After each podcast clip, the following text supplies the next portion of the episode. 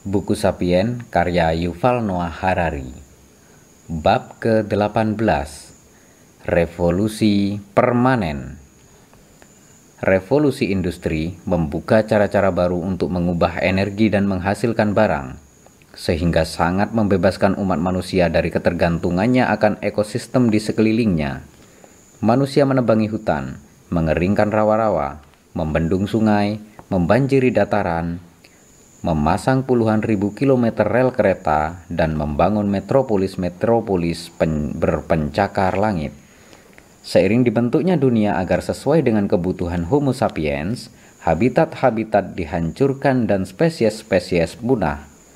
Planet kita yang dahulu hijau dan biru berubah menjadi pusat perbelanjaan dari semen dan plastik. Kini, Benua-benua di bumi adalah rumah bagi nyaris 7 miliar sapiens. Bila Anda gabungkan semua orang ini dan tempatkan di atas timbangan raksasa, masa gabungan mereka sekitar 300 juta ton. Bila kemudian Anda gabungkan semua hewan ternak hasil domestikasi kita, sapi, babi, domba, dan ayam, dan menempatkan mereka di atas timbangan yang lebih raksasa lagi, Masa hewan-hewan itu sekitar 700 juta ton. Sementara itu, masa gabungan semua hewan besar liar yang masih ada dari landak dan penguin sampai gajah dan paus kurang dari 100 juta ton. Buku anak-anak kita, ikonografi kita, dan layar-layar TV kita masih dipenuhi jerapah, serigala, dan simpanse namun di dunia nyata hanya sedikit sekali yang tersisa. Ada sekitar 80 ribu jerapah di dunia dibandingkan dengan 1,5 miliar sapi. Hanya 200 ribu serigala abu-abu dibandingkan dengan 400 juta anjing peliharaan. Hanya 250 ribu simpanse kontras dengan miliaran manusia. Umat manusia betul-betul telah mengambil alih dunia. Kerusakan lingkungan tidak sama dengan kelangkaan sumber daya. Seperti yang kita lihat di bab sebelumnya, sumber daya yang tersedia bagi umat manusia terus meningkat dan mungkin akan terus begitu. Itulah mengapa ramalan-ramalan mengenai kiamat akibat kelangkaan sumber daya sebenarnya keliru. Berbeda dengan itu, rasa takut akan kerusakan lingkungan memiliki landasan yang luar biasa kuat. Masa depan mungkin melihat sapiens memegang kendali atas beraneka ragam zat dan sumber energi baru, seraya menghancurkan apa pun yang tersisa dari habitat alami dan mendorong sebagian besar spesies lain menuju kepunahan. Bahkan gejolak ekologis itu mungkin membahayakan kelestarian Homo sapiens sendiri. Pemanasan global, naiknya permukaan laut, dan pencemaran yang tersebar luas dapat menjadikan bumi kurang bersahabat bagi kita sendiri dan akibatnya pada masa depan mungkin terjadi lomba tiada akhir antara upaya manusia dan bencana alam yang dipicu oleh manusia. Seiring manusia menggunakan kemampuannya untuk melawan kekuatan-kekuatan alam dan membuat ekosistem tunduk kepada kebutuhan dan keinginan manusia, manusia mungkin menyebabkan semakin banyak efek samping yang tidak terantisipasi dan berbahaya. Efek-efek itu mungkin hanya bisa dikontrol melalui manipulasi ekosistem yang lebih drastis lagi, yang akan menghasilkan kaos yang lebih parah lagi. Banyak yang menyebut proses itu penghancuran alam, namun sebenarnya yang terjadi bukanlah penghancuran, melainkan perubahan. Alam tidak bisa hancur. 65 juta tahun lalu, kejatuhan satu asteroid memusnahkan dinosaurus namun secara bersamaan membuka jalan bagi mamalia. Kini umat manusia mendorong banyak spesies menuju kepunahan dan mungkin memunahkan dirinya sendiri. Namun organisme-organisme lain yang baik-baik saja, tikus dan kecoa misalnya, sedangkan berada di puncak. Makhluk-makhluk tangguh ini barangkali akan merayap keluar dari reruntuhan berasap yang ditinggalkan kiamat nuklir, siap dan sanggup menyebarkan DNA mereka Barangkali 65 juta tahun dari sekarang, tikus-tikus cerdas akan mengenang dengan bersyukur atas kepunahan yang disebabkan oleh umat manusia. Seperti kita hari ini berterima kasih kepada asteroid yang menamatkan riwayat dinosaurus. Tetap saja, gosip-gosip mengenai kepunahan kita masih terlalu dini. Sejak revolusi industri, populasi manusia di dunia telah membengkak dibandingkan kapan pun sebelumnya. Pada 1700, planet ini merupakan rumah bagi sekitar 700 juta manusia. Pada 1800, ada 950 juta orang. Pada 1900, kita nyaris melipat gandakan jumlah kita menjadi 1,6 miliar. Dan pada 2000, angka itu menjadi 4 kali lipat, 6 miliar. Kini ada nyaris 7 miliar sapiens. Zaman modern Sementara semua sapiens itu semakin tidak terpengaruh oleh alam, mereka justru semakin tunduk kepada dikte industri dan pemerintah modern. Revolusi industri membuka jalan bagi sederetan panjang percobaan dalam rekayasa sosial dan serangkaian lebih panjang lagi perubahan tak terpikirkan dalam kehidupan sehari-hari dan mentalitas manusia. Salah satu dari sekian banyak contoh adalah digantikannya ritme pertanian tradisional dengan jadwal seragam dan ketat industri. Pertanian tradisional bergantung kepada siklus waktu alami dan pertumbuhan organik. Sebagian besar masyarakat tidak mampu membuat pengukur waktu yang persis, namun mereka juga tidak benar-benar berminat melakukan itu. Dunia berjalan tanpa jam dan jadwal hanya dipengaruhi oleh pergerakan matahari dan siklus pertumbuhan-tumbuhan. Tidak ada hari kerja yang seragam, dan semua rutinitas berubah secara drastis dari musim ke musim. Orang-orang tahu matahari ada di mana, dan cemas mengawasi tanda-tanda musim hujan dan musim panen. Namun mereka tidak tahu sekarang jam berapa dan nyaris tidak peduli soal sekarang tahun berapa. Bila seorang penjelajah waktu muncul di satu desa zaman pertengahan dan menanyai orang lewat, sekarang tahun berapa? Sang penduduk desa akan bingung karena pertanyaan itu, seperti juga karena pakaian konyol si orang asing. Berbeda dengan kaum tani dan pembuat sepatu zaman pertengahan, industri modern tidak banyak memedulikan soal matahari atau musim. Yang diagungkannya adalah presisi dan keseragaman. Misalnya, di bengkel zaman pertengahan, setiap pembuat sepatu membuat sepatu utuh, dari sol sampai gesper, Bila seorang pembuat sepatu terlambat kerja, dia tidak menghambat yang lain. Tapi di lini perakitan pabrik alas kaki modern, setiap pekerja mengurusi satu mesin yang menghasilkan hanya satu bagian kecil sepatu, yang kemudian diteruskan ke mesin berikutnya. Bila pekerja yang mengoperasikan mesin nomor 5 terlambat bangun, semua mesin lain pun ikut telat. Guna mencegah kekacauan semacam itu, setiap orang harus menuruti jadwal yang ketat. Setiap pekerja tiba di tempat kerja pada waktu yang tepat sama. Setiap orang istirahat makan siang bersama-sama, terlepas dari apakah mereka lapar atau tidak. Semua orang pulang ketika peluit yang menandakan akhir giliran kerja berbunyi, bukan ketika mereka telah menyelesaikan proyek. Revolusi industri mengubah jadwal dan lini perakitan menjadi pedoman bagi nyaris setiap aktivitas manusia. Tak lama setelah pabrik menetapkan kerangka waktu terhadap perilaku manusia, Sekolah-sekolah juga mengadopsi jadwal yang persis, diikuti oleh rumah sakit, kantor, pemerintah, dan toko kelontong. Bahkan di tempat-tempat tanpa lini perakitan dan mesin, jadwal menjadi raja. Bila giliran kerja di pabrik berakhir pada pukul 5 sore, tempat minum-minum setempat sebaiknya sudah buka pada pukul 5.02. Mata rantai penting dalam penyebaran sistem jadwal adalah angkutan umum, Bila pekerja perlu memulai giliran kerja pada pukul 8, kereta atau bis harus mencapai gerbang pabrik paling lambat 7.55.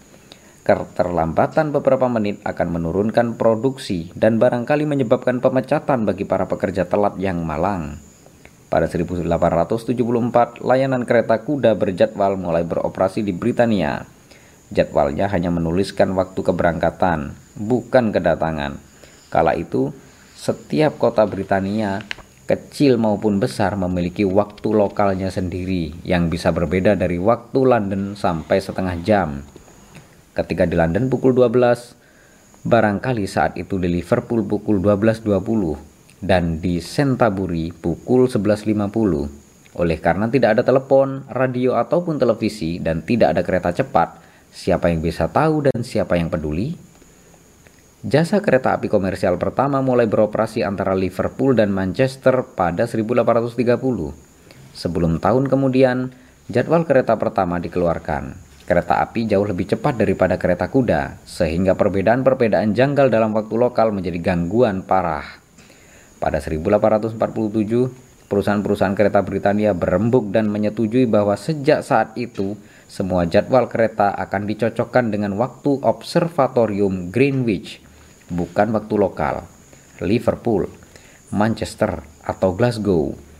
Semakin banyak lembaga yang mengikuti perusahaan-perusahaan kereta itu, akhirnya pada 1880 pemerintah Britania mengambil langkah yang tak pernah dilakukan sebelumnya untuk menetapkan bahwa semua jadwal di Britania harus mengikuti Greenwich. Untuk pertama kalinya dalam sejarah, satu negara mengadopsi waktu nasional dan mewajibkan penduduknya untuk hidup berdasarkan jam artifisial, bukan jam-jam lokal atau siklus matahari terbit sampai terbenam. Awal yang sederhana itu melahirkan jejaring jadwal global yang disinkronisasi sampai sepersepekian detik. Ketika media siaran pertama-tama radio, lantas televisi muncul untuk pertama kali, mereka memasuki dunia jadwal dan menjadi penegak dan penyebar utamanya. Salah satu hal pertama yang disiarkan stasiun radio adalah sinyal waktu. Bunyi bip yang memungkinkan permukiman-permukiman yang jauh dan kapal-kapal di laut menyetel jam. Nantinya, stasiun-stasiun radio mengadopsi kebiasaan menyiarkan berita setiap jam.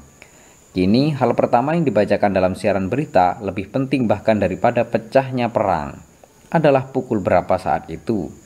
Selama Perang Dunia Kedua, BBC News disiarkan ke Eropa yang dijajah Nazi.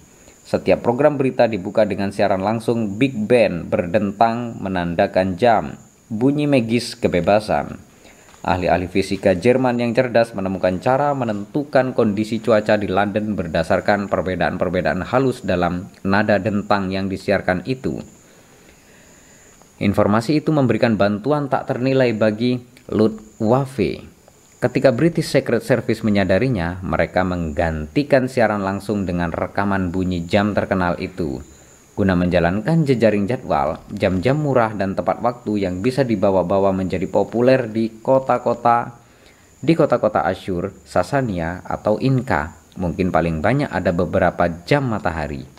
Di kota-kota Eropa zaman pertengahan biasanya ha hanya ada satu jam. Mesin raksasa yang dipasang di atas satu menara tinggi di alun-alun kota. Jam-jam menara ini terkenal tidak akurat, namun karena tidak ada lagi jam lain di kota untuk menentangnya, hal itu tidak begitu berpengaruh. Kini satu keluarga makmur umumnya memiliki lebih banyak penunjuk waktu dalam rumah daripada satu negara zaman pertengahan. Kita bisa mengetahui jam dengan menengok ke arloji, memandang android, menatap waker di samping tempat tidur, melongok jam di dinding dapur, memelototi oven gelombang mikro, melihat sekilas TV atau DVD, atau melirik tas bar di komputer. Kita perlu upaya sadar untuk tidak mengetahui sekarang pukul berapa. Orang biasanya mengecek jam berapa. Orang biasanya mengecek jam beberapa lusin kali setiap harinya. Sebab nyaris segala sesuatu yang kita lakukan harus diselesaikan tepat waktu. Waker membangunkan kita pukul 7 pagi. Kita memanaskan bagel beku kita selama tepat 50 detik dalam oven gelombang mikro. Menggosok gigi selama 3 menit sampai sikat gigi listrik berbunyi. Menaiki kereta pukul 7.40 ke tempat kerja, berlari di treadmill di tempat olahraga sampai menghitung waktu berbunyi mengumumkan bahwa setengah jam sudah selesai. Duduk di depan TV pada pukul 7 malam untuk menonton acara favorit di sela pada momen-momen yang telah ditentukan sebelumnya oleh iklan-iklan yang berbiaya 1000 dolar per detik dan akhirnya menumpahkan segala kegalauan kita kepada seorang terapis yang membatasi ocehan kita untuk satu jam terapi yang menurut standar sekarang sepanjang 50 menit. Revolusi industri mendatangkan sekitar beberapa lusin guncangan dalam masyarakat manusia. Beradaptasi terhadap waktu industri hanyalah salah satunya. Contoh-contoh menonjol lain mencakup urbanisasi, hilangnya hukum tani, munculnya proletar industrial, pemberdayaan orang biasa, demokratisasi, budaya anak muda, dan disintegrasi patriarki. Namun semua guncangan itu dikerdilkan oleh revolusi sosial paling menggegerkan yang pernah menimpa umat manusia.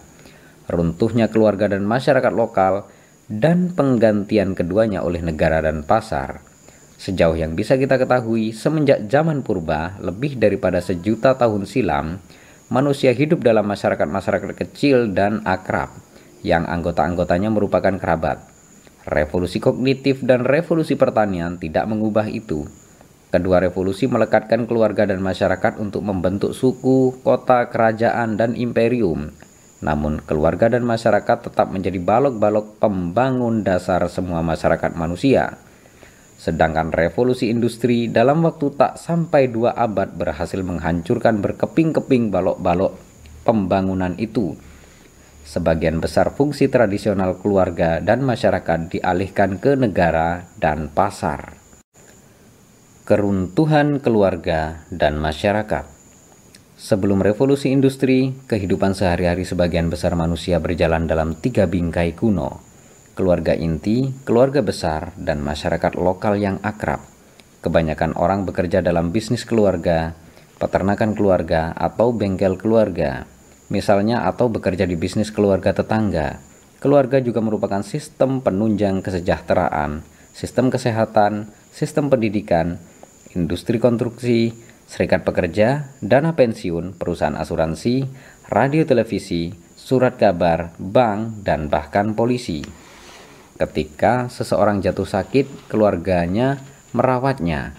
Ketika se ketika seseorang menua, keluarganya menyokongnya dan anak-anaknya merupakan dana pensiunnya. Ketika seseorang meninggal, keluarganya merawat anak-anaknya yang menjadi yatim. Ketika seseorang ingin membangun pondok, keluarganya membantu. Bila seseorang ingin memulai bisnis, keluarganya menggalang uang yang dibutuhkan. Bila seseorang ingin menikah, keluarganya memilih atau setidaknya menyaring calon pasangan. Bila konflik timbul dengan tetangga, keluarganya turun membela. Namun bila penyakit orang itu terlalu berat untuk ditangani keluarga atau bisnis baru menuntut investasi yang terlalu besar, atau bila perselisihan antar tetangga nyaris berujung kekerasan, masyarakat lokal datang membantu. Masyarakat menawarkan bantuan berdasarkan tradisi lokal dan ekonomi tolong-menolong yang sering kali sangat berbeda dengan hukum-hukum penawaran dan permintaan di pasar bebas. Dalam masyarakat zaman pertengahan gaya lama, bila tetangga saya butuh bantuan, saya membantu membangun pondoknya dan menjaga dombanya tanpa mengharapkan balasan apa-apa. Sewaktu saya butuh bantuan, tetangga saya membalas jasa. Pada waktu yang sama, penguasa lokal juga mungkin mewajibkan semua penduduk desa untuk membangun purinya tanpa membayar kita sepeser pun. Sebagai balasan, kita mengandalkan dia untuk membela kita dari para perampok dan orang barbar. Kehidupan desa melibatkan banyak transaksi, namun dengan sedikit pembayaran. Tentu saja juga ada pasar, namun perannya terbatas. Kita bisa membeli rempah-rempah yang langka, kain dan perkakas, dan menyewa jasa pengacara dan dokter. Namun kurang dari 10% produk dan jasa yang umum digunakan dibeli di pasar sebagian besar kebutuhan manusia diurus oleh keluarga dan masyarakat. Juga ada kerajaan dan imperium yang melaksanakan tugas penting seperti menggelar perang, membangun jalan, dan mendirikan istana. Untuk alasan itu, raja-raja menaikkan pajak dan terkadang mewajibkan orang menjadi prajurit atau buruh. Namun dengan beberapa kekecualian, mereka cenderung tidak turut campur urusan sehari-hari keluarga dan masyarakat. Bahkan kalaupun mereka ingin turut campur, kebanyakan raja hanya bisa melakukannya dengan sulit. Ekonomi agrikultural tradisional hanya memiliki sedikit surplus untuk memberi makan banyak pejabat pemerintah, polisi, pekerja sosial, guru, dan dokter. Sebagai akibatnya, sebagian besar penguasa tidak mengembangkan sistem penunjang kesejahteraan massal, sistem perawatan kesehatan, ataupun sistem pendidikan mereka menyerahkan hal-hal semacam itu ke tangan keluarga dan masyarakat. Bahkan pada kesempatan-kesempatan langka ketika penguasa mencoba turut campur secara lebih intensif dalam kehidupan sehari-hari kaum tani, seperti yang, seperti yang terjadi misalnya di Kekaisaran Qin di Tiongkok. Mereka baru bisa melakukannya dengan mengubah kepala keluarga dan tetua masyarakat menjadi agen pemerintah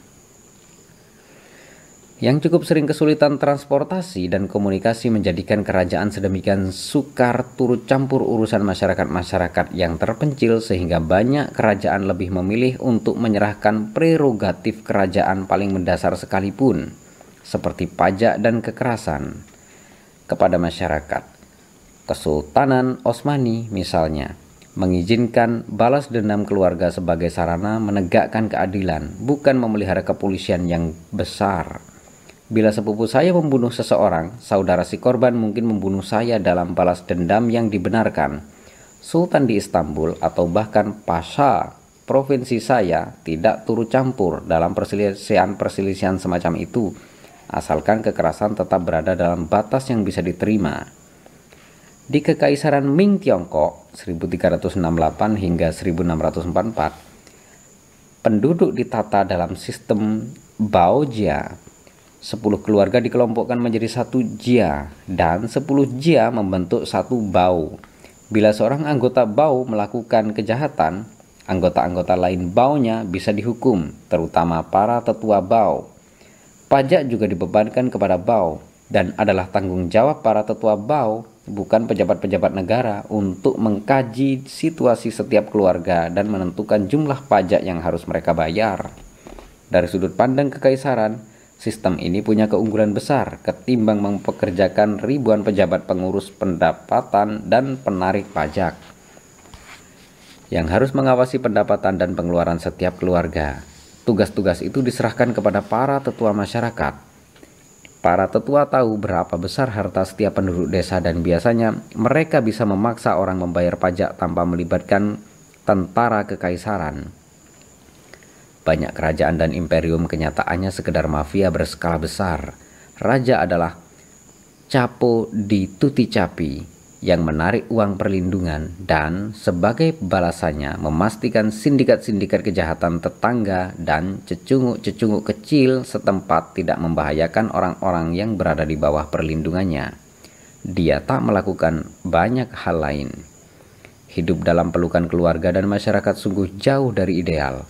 Keluarga dan masyarakat dapat menindas anggota-anggotanya dengan tidak kalah brutal dibanding negara dan pasar modern dan dinamika internalnya kerap kali diwarnai ketegangan dan kekerasan. Namun dulu orang tidak punya banyak pilihan. Orang yang kehilangan keluarga dan masyarakat pada sekitar 1750 sama saja sudah mati. Dia tidak punya pekerjaan, tidak berpendidikan, dan tidak memiliki penopang kalau sakit atau tertekan. Tidak akan ada yang mau meminjaminya uang atau membelanya bila dia menghadapi kesulitan.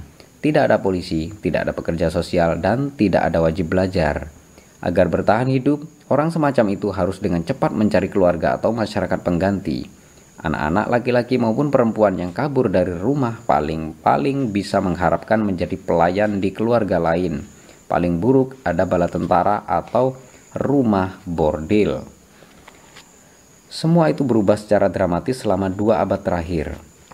Revolusi industri memberi pasar kekuatan baru yang luar biasa besar, menyediakan cara-cara komunikasi dan transportasi baru bagi negara, dan menempatkan pasukan juru tulis, guru, polisi, dan pekerja sosial di bawah pemerintah.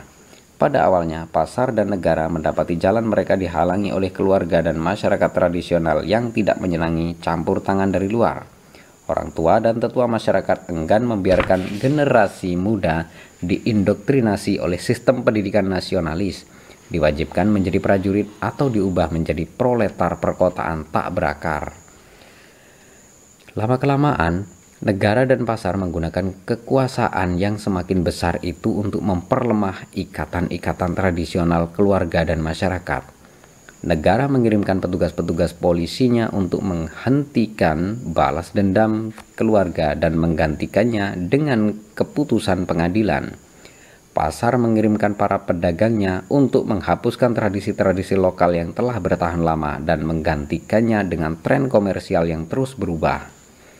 Namun itu tidak cukup. Agar benar-benar mematahkan kekuasaan keluarga dan masyarakat, mereka butuh bantuan angkatan kelima, Negara dan pasar mendekati orang-orang dengan tawaran yang tidak bisa ditolak. Jadilah individu, kata mereka. Nikahi siapa pun yang kamu inginkan tanpa meminta izin orang tuamu. Pilihlah pekerjaan apa pun yang cocok bagimu, meskipun tetua masyarakat mencibir. Tinggallah di mana pun kamu mau, bahkan kalau karenanya kamu tidak bisa menghadiri makan malam keluarga setiap minggu. Kamu tidak lagi bergantung kepada keluarga dan masyarakatmu, kami, negara dan pasar, akan mengurusmu sebagai gantinya. Kami akan menyediakan makanan, tempat berlindung, pendidikan, kesehatan, kesejahteraan, dan pekerjaan. kami akan menyediakan pensiun, asuransi, dan perlindungan. Sastra romantik kerap kali menyajikan individu sebagai seseorang yang terperangkap dalam pergelutan melawan negara dan pasar. Itu jauh sekali dari ke kenyataan. Negara dan pasar adalah ibu dan ayah individu, dan individu hanya bisa bertahan hidup berkat keduanya. Pasar menyediakan pekerjaan, asuransi, dan pensiun untuk kita.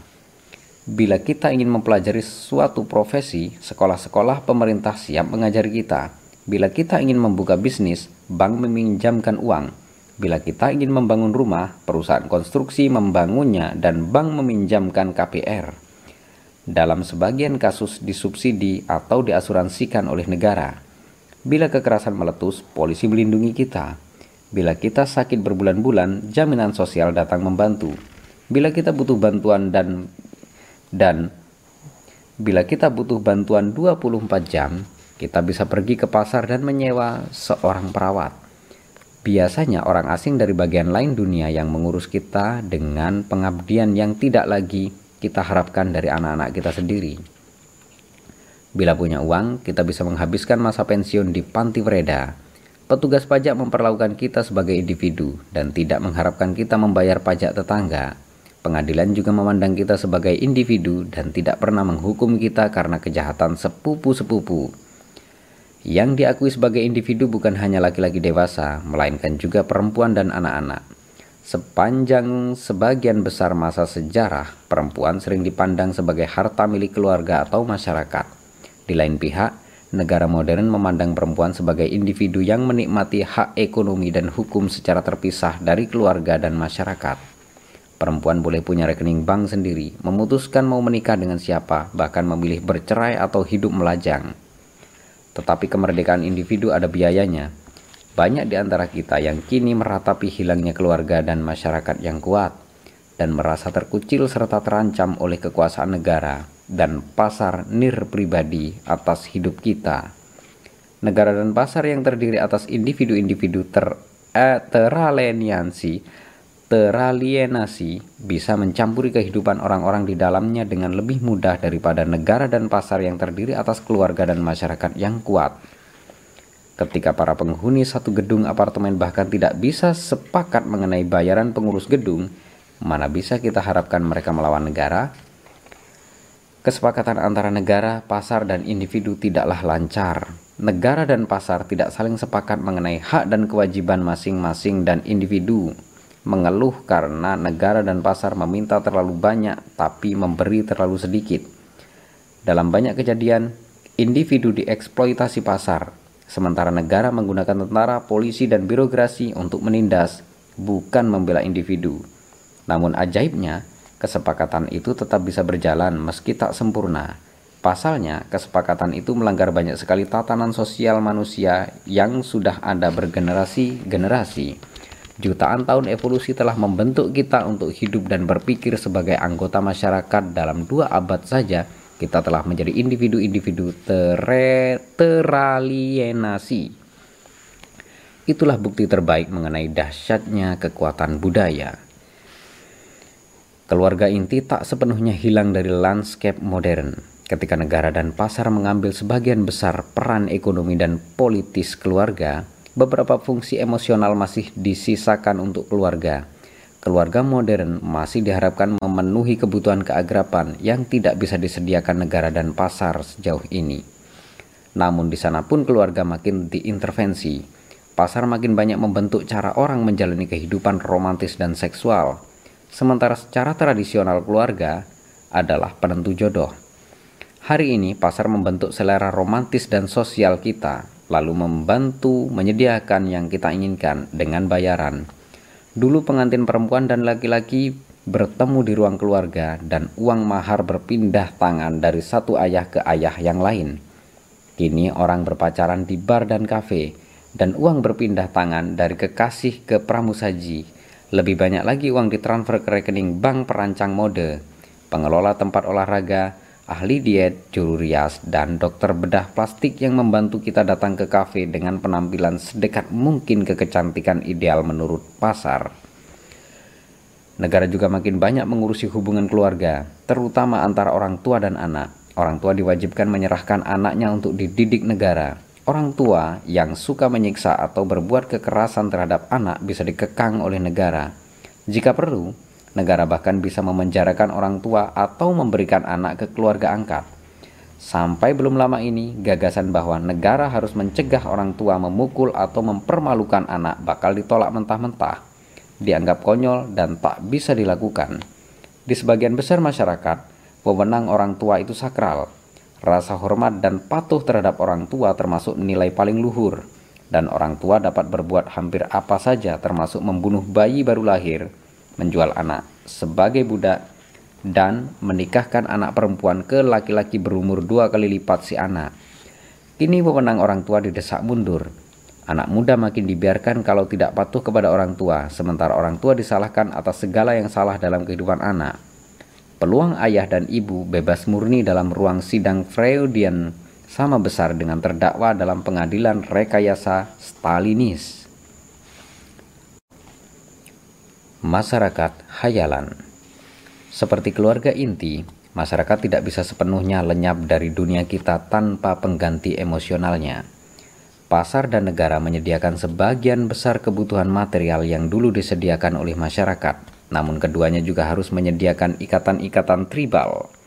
Pasar dan negara melakukannya dengan membina masyarakat-masyarakat hayalan atau imagine communities yang berisi jutaan orang yang saling asing disesuaikan dengan kepentingan nasional dan komersial. Masyarakat hayalan adalah masyarakat berisi orang-orang yang tidak benar-benar saling mengenal namun menghayal demikian. Masyarakat-masyarakat semacam itu bukanlah ciptaan baru, Kerajaan, imperium, dan gereja berfungsi selama beribu-ribu tahun sebagai masyarakat hayalan. Di Tiongkok kuno, puluhan juta orang memandang diri sebagai bagian satu keluarga tunggal dengan sang kaisar sebagai ayah. Di zaman pertengahan, jutaan muslim taat membayangkan bahwa mereka semua bersaudara sebagai sesama umat Islam. Namun sepanjang sejarah, Masyarakat-masyarakat khayalan itu hanya berperan sekunder di samping masyarakat-masyarakat akrab yang terdiri atas beberapa lusin orang yang saling mengenal dengan baik. Masyarakat akrab mengisi kebutuhan emosional anggota-anggotanya dan mutlak penting bagi kelangsungan hidup dan kesejahteraan seseorang. Dalam dua abad terakhir, masyarakat akrab telah layu, meninggalkan kehampaan emosional yang diisi oleh masyarakat khayalan. Dua contoh paling penting kebangkitan masyarakat hayalan seperti itu adalah bangsa atau nation dan suku konsumen atau consumer tribe. Bangsa adalah masyarakat hayalan suatu negara. Suku konsumen adalah masyarakat hayalan suatu pasar. Keduanya adalah masyarakat hayalan sebab mustahil bagi semua konsumen di pasar atau semua anggota suatu bangsa untuk mengenal satu sama lain seperti para penduduk desa masa lalu yang saling mengenal. Tidak ada orang Jerman yang bisa mengenal secara akrab ke 80 juta anggota lain bangsa Jerman, ataupun 500 juta konsumen lain yang menghuni pasar bersama Eropa. Yang pertama-tama berevolusi menjadi masyarakat Eropa dan akhirnya menjadi Uni Eropa. Konsumerisme dan nasionalisme berupaya ekstra keras untuk membuat kita membayangkan bahwa jutaan orang yang saling asing merupakan anggota komunitas yang sama dengan kita bahwa kita semua memiliki masa lalu bersama, kepentingan bersama, dan masa depan bersama. Ini bukan kebohongan, ini imajinasi seperti uang, perusahaan perseroan terbatas, dan hak asasi manusia, bangsa, dan suku konsumen adalah realitas antar subjektif. Mereka hanya ada dalam imajinasi kolektif kita, namun kekuatannya sungguh besar, asalkan jutaan orang Jerman mempercayai keberadaan bangsa Jerman bersemangat melihat simbol-simbol nasional Jerman, menuturkan ulang mitos-mitos nasional Jerman, dan bersedia mengorbankan uang, waktu, dan anggota tubuh untuk bangsa Jerman. Jerman akan tetap menjadi salah satu kekuatan tertangguh di dunia. Bangsa melakukannya, bangsa melakukan yang terbaik untuk menyembunyikan kenyataan bahwa dia hanya, hanyalah hayalan Kebanyakan bangsa berargumen bahwa dirinya merupakan entitas yang alami dan kekal, tercipta pada suatu zaman purba melalui percampuran tanah ibu pertiwi dengan darah rakyat. Namun klaim-klaim semacam itu biasanya dibesar-besarkan. Bangsa-bangsa memang ada pada masa lalu, namun arti pentingnya jauh lebih kecil daripada sekarang karena arti penting negara kala itu juga jauh lebih kecil. Seorang warga Nuremberg zaman pertengahan mungkin ada merasakan kesetiaan terhadap bangsa Jerman, namun dia merasakan kesetiaan yang jauh lebih besar terhadap keluarga dan masyarakat lokal yang mengurus sebagian besar kebutuhannya. Terlebih lagi, apa pun arti penting yang pernah dimiliki bangsa-bangsa masa lalu, hanya sedikit yang masih ada sekarang. Kebanyakan bangsa yang ada saat ini baru berevolusi setelah revolusi industri. Timur Tengah memberikan banyak contoh yang pas. Sejarah Suria, bangsa Suria, Lebanon, Yordania, dan Irak adalah produk perbatasan-perbatasan berantakan yang digambar dipasir oleh diplomat-diplomat Prancis dan Britania yang mengabaikan sejarah, geografi, dan ekonomi lokal. Para diplomat itu menentukan pada 1918 bahwa orang-orang Kurdistan, Baghdad, dan Basra sejak saat itu akan disebut bangsa Irak. Prancis menentukan siapa yang menjadi bangsa Suriah dan siapa yang menjadi bangsa Lebanon. Saddam Hussein dan Hafez al-Assad sama-sama berusaha keras untuk mempromosikan dan memaksakan kesadaran kebangsaan buatan Inggris dan Prancis namun pidato-pidato bombastik mereka mengenai apa yang konon merupakan bangsa Irak dan Suriah yang kekal terasa hampa. Jelaslah bahwa bangsa tidak bisa diciptakan begitu saja dari udara. Orang-orang yang bekerja keras menciptakan bangsa Irak atau Suriah memanfaatkan bahan mentah historis, geografis, dan budaya real sebagian di antaranya berusia beratus-ratus dan beribu-ribu tahun. Saddam Hussein mengkooptasi warisan kekhalifahan Abbasiyah dan Imperium Babylon, bahkan menyebut salah satu satuan kendaraan lapis baja elitnya divisi Hammurabi. Namun itu tidak berarti bangsa Irak merupakan entitas kuno.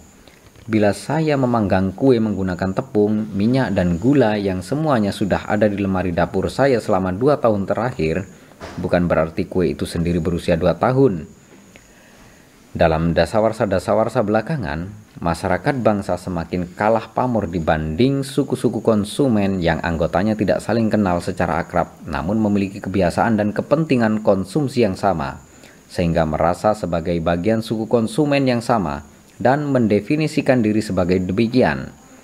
Ini terdengar sangat aneh, namun kita dikelilingi oleh berbagai contoh.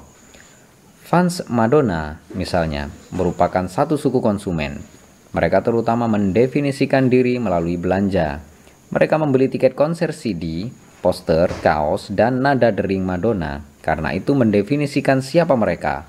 Fans Manchester United, vegetarian, dan environmentalis adalah contoh-contoh lain. Mereka juga di atas segalanya didefinisikan oleh apa yang mereka konsumsi.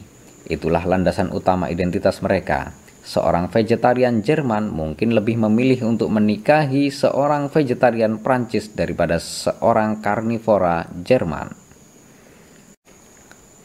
Pergerakan tiada henti. Revolusi-revolusi selama dua abad terakhir telah berlangsung dengan sedemikian cepat dan radikal, sehingga telah mengubah ciri-ciri paling mendasar tatanan sosial. Secara tradisional, tatanan sosial itu keras dan kaku, tatanan menyeratkan kestabilan dan kesinambungan. Revolusi sosial yang cepat merupakan kekecualian dan kebanyakan transformasi sosial adalah hasil akumulasi banyak langkah kecil. Manusia cenderung berasumsi bahwa struktur sosial itu kekal dan tidak lentur. Keluarga dan masyarakat mungkin berjuang untuk mengubah posisi dalam tatanan itu. Namun gagasan bahwa kita bisa mengubah struktur mendasar tatanan itu sungguh asing Orang-orang cenderung berdamai dengan status quo, menyatakan bahwa seperti inilah adanya sejak dulu dan akan seperti inilah selalu. Selama dua abad terakhir, laju perubahan menjadi sedemikian cepat sehingga tatanan sosial memperoleh sifat yang dinamis dan luas. Kini tatanan sosial berada dalam kondisi perubahan permanen. Ketika kita membicarakan revolusi modern, kita cenderung memikirkan soal 1789 revolusi Prancis 1848 Revolusi Liberal atau 1917 Revolusi Rusia. Namun faktanya, sekarang setiap tahun bersifat revolusioner. Kini bahkan seseorang yang berusia 30 tahun bisa dengan lugas mengatakan kepada para remaja yang tidak percaya, sewaktu aku masih muda, dunia sepenuhnya berbeda. Internet misalnya, mulai dipakai secara luas baru pada awal 1990-an. 20 tahun silam, kini kita kini kita tidak bisa membayangkan dunia tanpa internet. Oleh karena itu, upaya apa pun untuk mendefinisikan ciri-ciri masyarakat modern sama dengan mendefinisikan warna bunglon. Satu-satunya ciri yang bisa kita pastikan adalah perubahan tiada henti. Orang-orang telah terbiasa dengan itu, dan sebagian besar kita memikirkan tatanan sosial sebagai sesuatu yang luas. Bisa kita rekayasa dan perbaiki sesukanya. Janji utama para penguasa modern adalah menjaga tatanan tradisional atau bahkan kembali ke suatu zaman keemasan yang telah lenyap.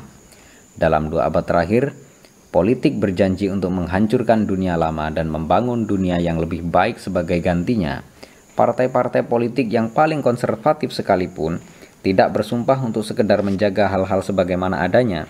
Setiap orang menjanjikan reformasi sosial, reformasi pendidikan, reformasi ekonomi, dan mereka kerap kali memenuhi janji-janji itu. Sebagaimana para ahli geologi menduga bahwa pergerakan tektonik akan menimbulkan gempa dan letusan gunung berapi, kita pun bisa menduga bahwa pergerakan sosial yang drastis akan menimbulkan letusan kekerasan bersimbah darah. Sejarah politik abad ke-19 dan ke-20 kerap kali digambarkan sebagai serangkaian perang mematikan, genosida, dan revolusi seperti seorang anak dengan sepatu bot baru yang melompat dari genangan air satu ke genangan lain. Pandangan itu menganggap sejarah sebagai lompat kata dari satu pertumpahan darah ke pertumpahan darah lain, dari Perang Dunia Pertama ke Perang Dunia Kedua ke Perang Dingin, dari genosida Armenia ke genosida Yahudi ke genosida Rwanda, dari Robespierre ke Lenin ke Hitler. Itu ada benarnya.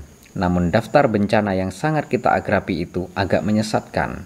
Kita berfokus terlalu banyak ke genangan air dan melupakan tanah kering yang memisahkan genangan-genangan itu. Zaman modern akhir telah menyaksikan bukan hanya tingkat kebengisan dan kengerian yang tidak pernah terjadi sebelumnya, melainkan juga perdamaian dan kedamaian. Charles Dickens menulis soal revolusi Prancis sebagai masa-masa terbaik, masa-masa terburuk. Itu mungkin berlaku bukan hanya untuk revolusi Prancis, melainkan juga seluruh zaman yang menyusulnya. Dan itu terutama berlaku untuk tujuh dasawarsa yang telah lewat sejak akhir Perang Dunia Kedua, Selama periode itu, umat manusia untuk pertama kalinya telah menghadapi kemungkinan permusnahan total dan telah mengalami cukup banyak perang dan genosida sungguhan. Namun dasawarsa-dasawarsa itu juga merupakan era paling damai dalam sejarah manusia. Dengan perbedaan amat mencolok, ini mengejutkan karena dasawarsa-dasawarsa itu juga mengalami lebih banyak perubahan ekonomi, sosial, dan politik daripada era apa pun sebelumnya. Lempeng-lempeng tektonik sejarah bergerak dengan laju edan, namun kebanyakan gunung berapi diam saja. Tatanan baru yang elastis tampaknya mampu menampung dan bahkan memicu perubahan-perubahan struktural radikal tanpa runtuh menjadi konflik beringas. Perdamaian zaman kita Kebanyakan orang tidak menghargai betapa damainya era kita hidup sekarang. Tak seorang pun di antara kita yang hidup seribu tahun lalu, sehingga kita mudah lupa betapa jauh bengisnya dunia dahulu, dan seiring semakin jarangnya perang. Tiap perang yang masih ada menarik lebih banyak perhatian. Jauh lebih banyak orang yang memikirkan tentang perang yang kini berkecamuk di Afghanistan dan Irak daripada perdamaian yang dialami sebagian besar orang Brasil dan India. Yang lebih penting lagi, kita lebih mudah ikut merasakan penderitaan individu daripada seluruh populasi. Tapi guna memahami proses-proses sejarah makro, kita perlu mengkaji statistika massal, bukan kisah-kisah individu. Tahun 2000, perang menyebabkan kematian 310 ribu orang, sementara kejahatan dengan kekerasan membunuh 520 ribu orang lain. Setiap korban berarti satu dunia yang dihancurkan, satu keluarga dirusak, teman dan kerabat tersakiti seumur hidup. Namun dari sudut pandang makro, ke-830 ribu korban ini hanyalah 1,5 persen dari 56 juta orang yang meninggal pada 2000. Tahun itu, 1,26 juta orang meninggal dalam kecelakaan mobil, 2,25 persen dari kematian total, dan 815 ribu orang bunuh diri, 1,45 persen. Angka-angka tahun 2002 lebih mengejutkan lagi, dari 50 juta kematian hanya 170 hanya 172 ribu orang meninggal dalam perang dan 569 ribu orang meninggal dalam kejahatan dengan kekerasan. Total 741 ribu korban kekejian manusia. Kontras dengan itu, 873 ribu orang bunuh diri. Ternyata pada tahun setelah serangan 11 September, Terlepas dari segala omongan soal terorisme dan perang, orang rata-rata lebih mungkin bunuh diri daripada terbunuh oleh teroris, prajurit, atau penjual narkoba. Di sebagian besar dunia, orang-orang berangkat tidur tanpa takut bahwa pada tengah malam suku tetangga akan mengepung desa mereka dan membantai setiap orang.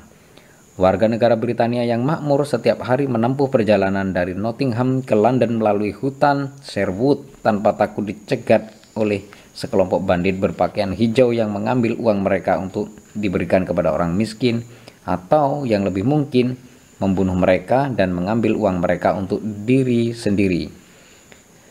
Murid-murid tidak dipukul oleh guru. Anak-anak tidak perlu takut bahwa mereka akan dijual sebagai budak ketika orang tua mereka tidak bisa membayar utang.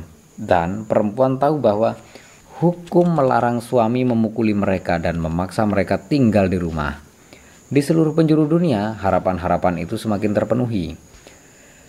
Turunnya kekejaman terutama disebabkan oleh kebangkitan negara. Sepanjang sejarah, sebagian besar kekejaman adalah akibat perselisihan lokal antara keluarga dan masyarakat.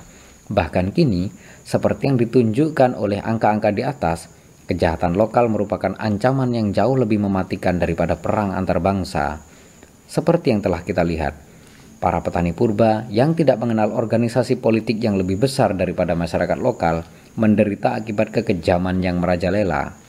Ketika kerajaan dan imperium menjadi semakin kuat, masyarakat dikendalikan dan tingkat kekejaman pun menurun. Di kerajaan-kerajaan terdesentralisasi di Eropa zaman pertengahan, kira-kira 20 sampai 40 orang terbunuh setiap tahun untuk setiap 100.000 penduduk dalam dasawarsa-dasawarsa terakhir, ketika negara dan pasar telah menjadi berkuasa penuh dan masyarakat-masyarakat telah sirna, tingkat kekerasan semakin merosot. Kini rata-rata global hanyalah 9 pembunuhan per tahun untuk setiap 100 ribu orang. Dan sebagian besar pembunuhan itu berlangsung di negara-negara lemah semisal Somalia dan Kolombia. Di negara-negara Eropa yang tersentralisasi, rata-rata pembunuhan adalah satu per tahun untuk setiap 100 ribu orang. Tentunya ada kasus di mana negara menggunakan kekuasaannya untuk membunuh warganya sendiri. Dan kasus-kasus ini kerap tertanam kuat dalam ingatan dan ketakutan kita. Selama abad ke-20, puluhan juta atau malah ratusan juta orang terbunuh oleh kekuatan-kekuatan bersenjata negara mereka sendiri. Tetap saja dari sudut pandang makro, pengadilan dan kepolisian yang dijalankan negara barangkali telah menaikkan tingkat keamanan di seluruh dunia. Bahkan di negara-negara kediktatoran yang menindas, orang modern rata-rata berpeluang jauh lebih kecil untuk mati di tangan orang lain daripada dalam masyarakat-masyarakat pramodern. Pada 1964, kediktatoran militer didirikan di Brasil. Kediktatoran tersebut memerintahkan negara itu sampai 1985 Selama 20 tahun itu, beberapa ribu orang berhasil dibunuh oleh rezim tersebut. Ribuan lagi dipenjara dan disiksa. Namun bahkan dalam tahun-tahun terburuk, orang Brasil rata-rata di Rio de Janeiro berkemungkinan jauh lebih kecil untuk mati di tangan manusia lain daripada orang Waorani, Arawete, atau Yanomamo rata-rata. Waurani, Arawete, dan Yanomamo adalah suku-suku asli yang hidup jauh di dalam rimba Amazon, tanpa bala tentara, polisi, ataupun penjara. Penelitian-penelitian antropologis telah menunjukkan bahwa antara seperempat dan separuh laki-laki di suku-suku itu cepat atau lambat tewas akibat konflik yang melibatkan kekerasan gara-gara harta, perempuan, atau gengsi. Pensiunnya Imperium Barangkali bisa diperdebatkan apakah kekejaman dalam negara telah meningkat atau menurun sejak 1945 yang tidak bisa dibantah seorang pun adalah kekejaman antar bangsa telah merosot ke titik paling rendah sepanjang sejarah. Barangkali contoh yang paling jelas adalah runtuhnya imperium-imperium Eropa. Sepanjang sejarah, imperium telah menindas pemberontakan dengan tangan besi, dan ketika ajalnya tiba, imperium yang mulai tenggelam menggunakan seluruh kekuatannya untuk menyelamatkan diri, dan biasanya runtuh menjadi pertumpahan darah. Kematian imperium pada akhirnya bisa menimbulkan anarki dan perang perebutan kekuasaan.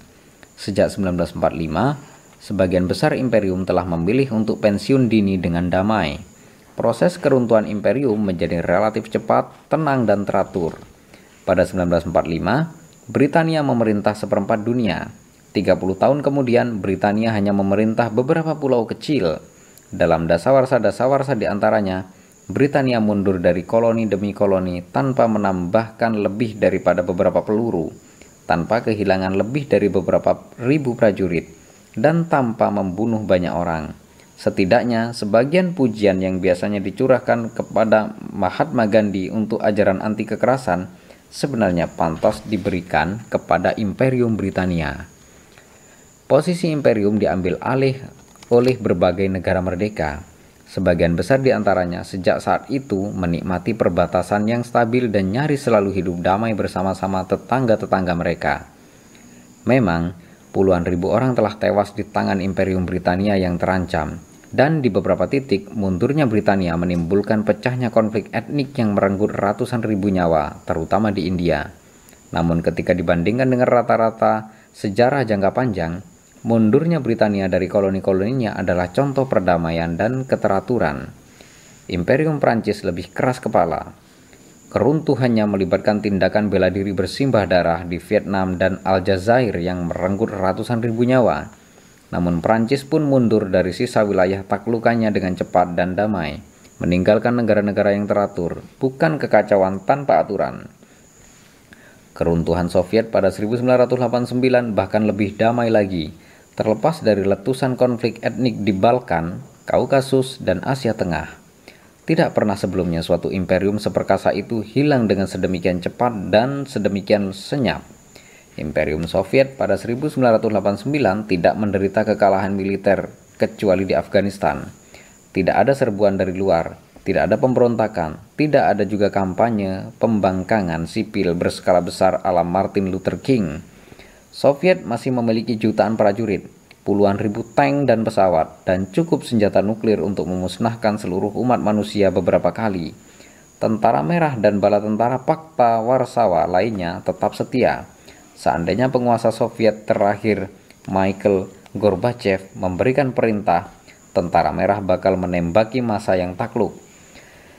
Namun elit Soviet dan rezim-rezim komunis di sebagian besar Eropa Timur Rumania dan Serbia adalah kekecualian. Memilih untuk tidak menggunakan bahkan sebagian kecil kekuatan militer itu ketika anggota-anggotanya menyadari bahwa komunisme adalah bangkrut, komunisme sudah bangkrut, mereka menahan penggunaan kekuatan, mengakui kegagalan, berkemas-kemas dan pulang ke rumah tanpa perlawanan. Gorbachev dan kolega-koleganya melepas bukan hanya wilayah taklukan Soviet saat Perang Dunia Kedua, melainkan juga taklukan-taklukan yang lebih tua dari zaman Tsar di Baltik, Ukraina, Kaukasus, dan Asia Tengah. Sesungguhnya menakutkan bila kita renungkan apa yang mungkin terjadi seandainya Gorbachev berperilaku seperti para pemimpin Serbia atau seperti Prancis di Aljazair. Pax Atomica Negara-negara merdeka yang muncul setelah zaman imperium sangat tidak tertarik berperang dengan beberapa kekecualian. Sejak 1945, negara-negara tidak lagi menyerbu negara-negara lain untuk ditaklukkan dan diduduki. Penaklukan semacam itu sebelumnya merupakan hal biasa dalam sejarah politik sejak entah kapan. Begitulah caranya kebanyakan imperium besar didirikan, dan apa yang sebagian besar penguasa dan penduduk pikir akan terjadi. Namun kampanye penaklukan seperti yang dilakukan oleh orang-orang Romawi, Mongol, dan Osmani tidak bisa berlangsung kini di mana pun di dunia. Sejak 1945, tidak ada negara merdeka yang diakui oleh PBB yang telah ditaklukkan dan terhapus dari peta. Perang terbatas antar bangsa masih berlangsung dari waktu ke waktu, dan jutaan orang masih tewas dalam perang. Namun perang tidak lagi dianggap sebagai suatu norma. Banyak orang percaya bahwa lenyapnya perang antar bangsa adalah hal unik yang terjadi kepada kepa, kepada negara-negara demokrasi kaya di Eropa Barat. Pada kenyataannya, Perdamaian mencapai Eropa setelah terlebih dahulu bertahta di bagian-bagian lain dunia. Demikianlah perang antar bangsa serius terakhir antar bangsa antara negara-negara Amerika Selatan adalah Perang Peru Ekuador pada 1941 dan Perang Bolivia Paraguay pada 1932 hingga 1935. Dan sebelum itu tidak ada perang serius antara negara-negara Amerika Selatan sejak Perang 1879 hingga 1884 dengan Chile di satu pihak dan Bolivia dan Peru di pihak satu lagi. Kita jarang memikirkan dunia Arab sebagai sangat damai. Namun sejak negara-negara Arab meraih kemerdekaan mereka, hanya ada satu kejadian ketika salah satu di antara mereka melakukan serbuan berskala penuh terhadap satu negara Arab lainnya. Serbuan Irak terhadap Kuwait pada 1990 ada cukup banyak benturan di perbatasan, misalnya Suriah versus Yordania pada 1970. Banyaknya campur tangan bersenjata dalam urusan negara lain, misalnya Suriah di Lebanon, berbagai perang saudara Aljazair, Yaman, Libya, dan beraneka ragam kudeta dan pemberontakan. Namun tidak ada perang antar bangsa berskala penuh di antara negara-negara Arab kecuali perang Teluk. Bahkan kalau lingkupnya diperluas sehingga mencakup seluruh dunia Islam, hanya ada satu contoh lagi, yaitu perang Iran-Irak. Tidak ada perang Turki-Iran, perang Pakistan-Afghanistan, atau perang Indonesia-Malaysia. Kondisi di Afrika tak seindah itu, namun bahkan di sana kebanyakan konflik berupa perang saudara atau kudeta. Sejak negara-negara Afrika meraih kemerdekaan pada 1960-an dan 1970-an, sangat sedikit negara Afrika yang telah menyerbu negara Afrika lain dengan harapan bisa menaklukkannya. Sebelumnya pernah ada periode-periode yang relatif tenang, seperti contohnya di Eropa antara 1871 dan 1914. Dan periode-periode itu selalu berakhir dengan buruk. Namun kali ini berbeda sebab perdamaian sejati bukanlah semata ketiadaan perang. Perdamaian sejati adalah kemustahilan perang. Tidak pernah ada perdamaian sejati di dunia. Antara 1871 dan 1914, perang Eropa tetap merupakan yang masih yang masuk akal. Perang Eropa tetap merupakan peristiwa yang masuk akal dan harapan akan terjadinya perang mendominasi pemikiran bala tentara, politikus maupun warga negara biasa. Firasat ini benar adanya bagi semua periode damai lain dalam sejarah. Satu hukum besi politik internasional menyatakan, untuk setiap dua negara yang berdekatan, ada skenario masuk akal yang akan menyebabkan keduanya saling berperang dalam setahun. Hukum rimba ini berlaku di Eropa akhir abad ke-19, di Eropa zaman pertengahan, di Tiongkok kuno, dan di Yunani klasik. Bila Sparta dan Athena berdamai pada 450 sebelum Masehi, ada skenario masuk akal bahwa mereka mungkin berperang pada 449 sebelum Masehi. Kini umat manusia telah mematahkan hukum rimba tersebut. Pada akhirnya ada perdamaian sejati, bukan hanya ketiadaan perang. Bagi kebanyakan negara, tidak ada, tidak ada skenario masuk akal yang mengarah ke konflik berskala penuh dalam setahun ke depan. Apa yang mungkin menyebabkan perang antara Jerman dan Prancis tahun depan? atau antara Tiongkok dan Jepang, atau antara Brasil dan Argentina, sejumlah benturan kecil di perbatasan mungkin terjadi, namun hanya skenario benar-benar apokaliptik yang dapat menghasilkan perang berskala besar penuh gaya lama antara kedua negara yang disebutkan terakhir itu pada 2014. Dengan divisi-divisi lapis baja, Argentina menyerbu sampai ke gerbang Rio dan pesawat pengebom Brasil meluluh lantakkan wilayah-wilayah Buenos Aires. Perang semacam itu masih mungkin pecah tahun depan antara beberapa pasang negara, misalnya Israel dan Suriah, Ethiopia dan Eritrea, maupun Amerika Serikat dan Iran. Namun itu hanyalah kekecualian yang membuktikan aturan. Situasi ini tentu saja mungkin berubah pada masa depan dan bila ditengok lagi kelak, dunia masa kini mungkin terlihat luar biasa naif. Namun dari sudut pandang sejarah, kenaifan kita itu sendiri menakjubkan. Tidak pernah sebelumnya perdamaian sedemikian mendominasi sehingga orang-orang bahkan tidak bisa membayangkan perang. Para cendikiawan telah berupaya menjelaskan perkembangan membahagiakan itu dalam lebih banyak buku dan artikel daripada yang pernah Anda ingin baca sendiri dan mereka telah mengidentifikasi sejumlah faktor penyumbang. Pertama-tama dan terutama, ongkos perang telah naik drastis. Hadiah Nobel Perdamaian untuk menyudahi semua hadiah perdamaian seharusnya diserahkan kepada Robert Oppenheimer dan rekan-rekannya sesama arsitek bom atom. Senjata nuklir telah menjadikan perang antara negara-negara adidaya suatu tindakan bunuh diri bersama dan memustahilkan upaya mendominasi dunia melalui kekuatan bersenjata. Kedua, sementara ongkos perang membubung, labanya menurun. Nyaris sepanjang sejarah, negara dapat memperkaya diri dengan menjarah atau mencaplok wilayah musuh.